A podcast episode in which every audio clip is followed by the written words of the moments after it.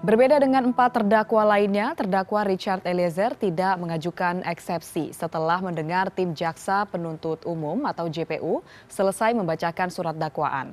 Melalui kuasa hukumnya, Richard Eliezer merasa isi surat dakwaan dinilai sudah cermat dan tepat. Hal ini disampaikan kuasa hukum Richard Eliezer Roni Talapesi saat hakim meminta tanggapan dari pihak Eliezer sebagai terdakwa. Apakah akan mengajukan eksepsi atau tidak? Roni mengatakan tanggapan dari pihak Eliezer akan disampaikan pada pembuktian mendatang.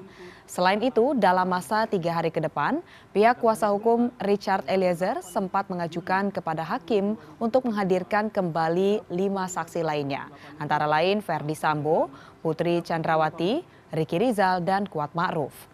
Namun permohonan itu ditolak dengan alasan hakim masih memeriksa semua tersangka mulai dari awal.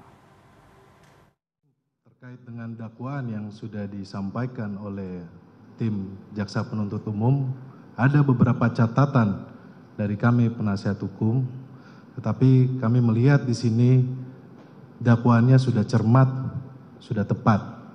Dan nanti mungkin kami pikir bahwa kami akan sampaikan nanti di pembuktian.